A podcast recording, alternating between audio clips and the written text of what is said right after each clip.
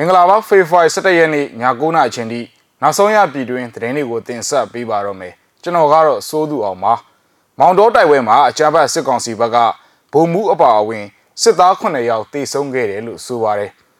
ရန်ကုန်မန္တလေးအမြန်လမ်းမပေါ်မှာလဲစစ်ကောင်စီရင်တန်းမိုင်းဆွဲတိုက်ခိုက်ခံလိုက်ရပြန်ပါတယ်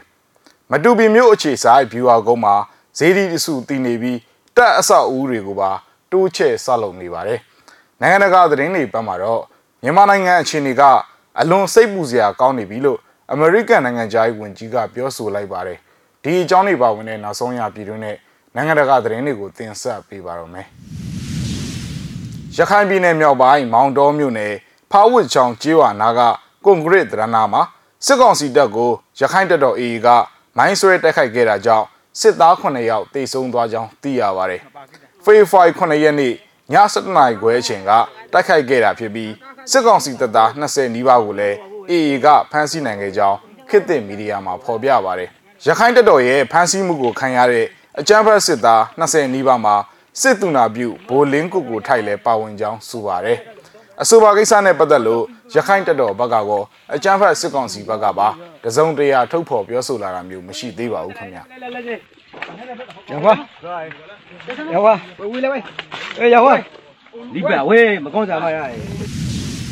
ရန်ကုန်မန္တလေးအမြန်လမ်းမပေါ်မှာအကြမ်းဖက်စစ်ကောင်စီရင်နှန်းကိုဖေဖော်ဝါရီ10ရက်နေ့ကမိုင်းဆွဲတိုက်ခိုက်ခဲ့ကြောင်းဒေသကာကွယ်ရေးတပ်ဖွဲ့ကပြောပါတယ်။ရန်ကုန်ကနေမန္တလေးဘက်ကိုဦးတည်လာတဲ့ point ကားတစ်စီးပါကားသုံးစီးရှင်နှန်းကိုပဲခူးအရှိတ်ချမ်းမှာရှိတဲ့မိုင်းတိုင်းတနေရာမှာ local PDF တောင်ငူကပရိသာမိုင်း၅လုံးအဝေးထိန်မိုင်းတစ်လုံးအသုံးပြုပြီးတိုက်ခိုက်ခဲ့ကြောင်းဆိုပါတယ်။ရင်တန်းလာမဲ့တဲ့ရင်ကိုဖရဲသီးတွေကတဆင့်ပေးတယ် ဒေသခံပြည်သူတွေကလည်းသတင်းပေးတာရှိတယ်အဲ့လိုမျိုးပူပေါင်းပါဝင်မှုတွေကြောင့်တိုက်ခိုက်နိုင်ခဲ့တာပါရင်တန်းရဲ့နောက်ဆုံးကားကိုထိပါတယ်စစ်ကောင်စီတပ်ဖွဲ့ဝင်တွေအထိအခိုက်ရှိနိုင်ပါတယ်လို့ local PDF တောင်ငူရဲ့တာဝန်ရှိတဲ့သူကပြောပါတယ်စစ်ကောင်စီရင်တန်းအနောက်ကနေကုန်တင်ကားတစ်စီးကပ်ပြီးတော့မောင်းလာတာကြောင့်မိုင်းထောင်ထားတဲ့နေရာကြော်လွန်ပြီးတော့ဖောက်ခွဲခဲ့ရတယ်လို့ဆိုပါတယ်ထိုတိုက်ခိုက်မှုကြောင့်စစ်ကောင်စီရင်တန်းနောက်ဆုံးကားတက်တဲ့ထိမှန်တာကြောင့်ကားအနောက်ချမ်းမီးလောင်ပြီး ထိခိုက်မှုတွေရှိနိုင်ပြီးတော့မိโก้တွေထွက်တဲ့အထိမောင်းနှင်ထွက်ပြေးသွားကြောင်းသိရပါတယ်။ကျွန်တော်တို့တားမြစ်ထားတဲ့စစ်ကောင်စီတပ်တွေနဲ့ဝေဝေးနေဆိုတဲ့အချက်ကိုပြည်သူတွေကနားမထောင်ကြဘူး။ရင်နှန်းလာမဲ့အချိန်နဲ့တေချာတိုက်ပြီးတော့ခွဲဖို့လှုံ့ဆော်ခဲ့တာ။အနောက်မှာကကုန်တင်ကားတစ်စီးပါနေတော့သူတို့ကိုငှဲ့ပြီးတော့ကြော်မခွဲလိုက်ရတယ်။ပြည်သူတွေကိုလည်းပြည်သူ့ကာကွယ်ရေးတပ်ဖွဲ့တွေရဲ့ထုတ်ပြန်ချက်တွေကိုလိုက်နာစေခြင်းတယ်လို့သူကဆက်ပြောပါတယ်။ စစ်ကောင်စီရင်တန်းမိုင်းဆွဲတက်ခိုက်ခံရပြီးတဲ့နောက်ကာကွယ်ရေးတပ်ဖွဲ့ဝင်တွေအထီးအခိုင်မရှိဘဲနဲ့စုတ်ခွာနိုင်ခဲ့ကြောင်းသိရပါတယ်ခင်ဗျာ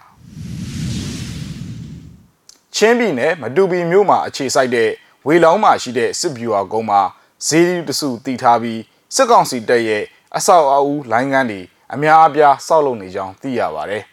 အခုမတူပီမှာစစ်တပ်ကအဆောက်အဦတွေကိုတော်တော်တိုးချဲ့ပြီးတော့စောင့်နေကြတယ်ဝေလောင်းမှာရှိတဲ့ဗျူဟာနဲ့ကပ်ရက်မှာက 140တက်ရင်ရှိတယ်အခုမနက်မိုးလင်းတာနဲ့334တက်ရင်ကနေစစ်ကားအပြည့်ဗျူဟာကုန်းကိုတွားပြီးတော့အလုပ်လုပ်ကြတယ်ညနေဆိုရင်334ကိုပြန်ကြတာနေတိုင်းတွေ့ရတယ်လို့မတူပီမြို့ကန်ဒေသခံတယောက်ကပြောပြပါတယ်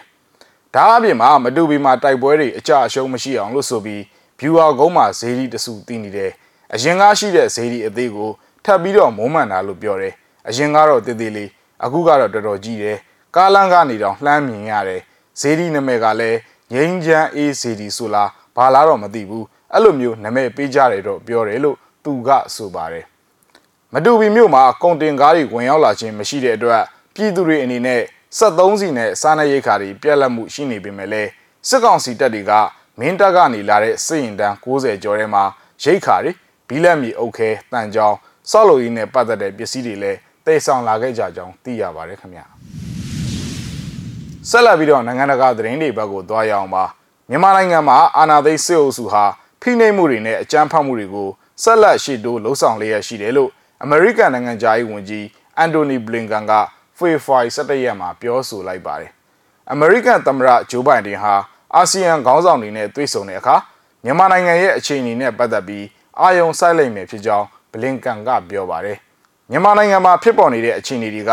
အမ်တန်စိုးရိမ်ပူပန်စရာဖြစ်တယ်ဆိုတာက ပေါ်လွင်ထင်ရှားနေတယ်လို့ကျွန်တော်ထင်ပါတယ်ဆိုပြီးဘလင်ကန်က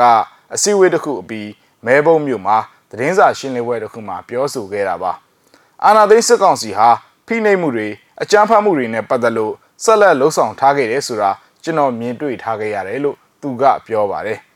ယမန်နစ်ကမြန်မာစစ်ကောင်စီသဘောတူညီခဲ့တဲ့အာဆီယံဘုံသဘောတူညီချက်၅ချက်ကိုဝါရှင်တန်အနေနဲ့ထောက်ခံကြောင်း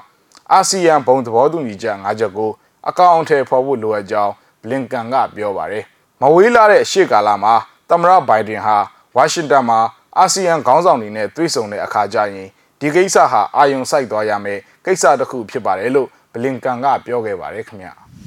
။နောက်ဆုံးအနေနဲ့ဆန္ဒပြသတင်းတစ်ပုဒ်ကိုလည်းတင်ဆက်ချင်ပါသေးတယ်။စကိုင်းတိုင်းဒေသကြီးကလေးမျိုးပင်မသပိတ်စစ်ကြောင်းဟာဆေးရနာသိမ်းမှုစန့်ကျင်ရေးရပ်ပေါင်း369ရက်မြောက်အဖြစ်ဖေဖော်ဝါရီ17ရက်နေ့မှာခြိတက်ဆန္ဒပြခဲ့ကြပါတယ်။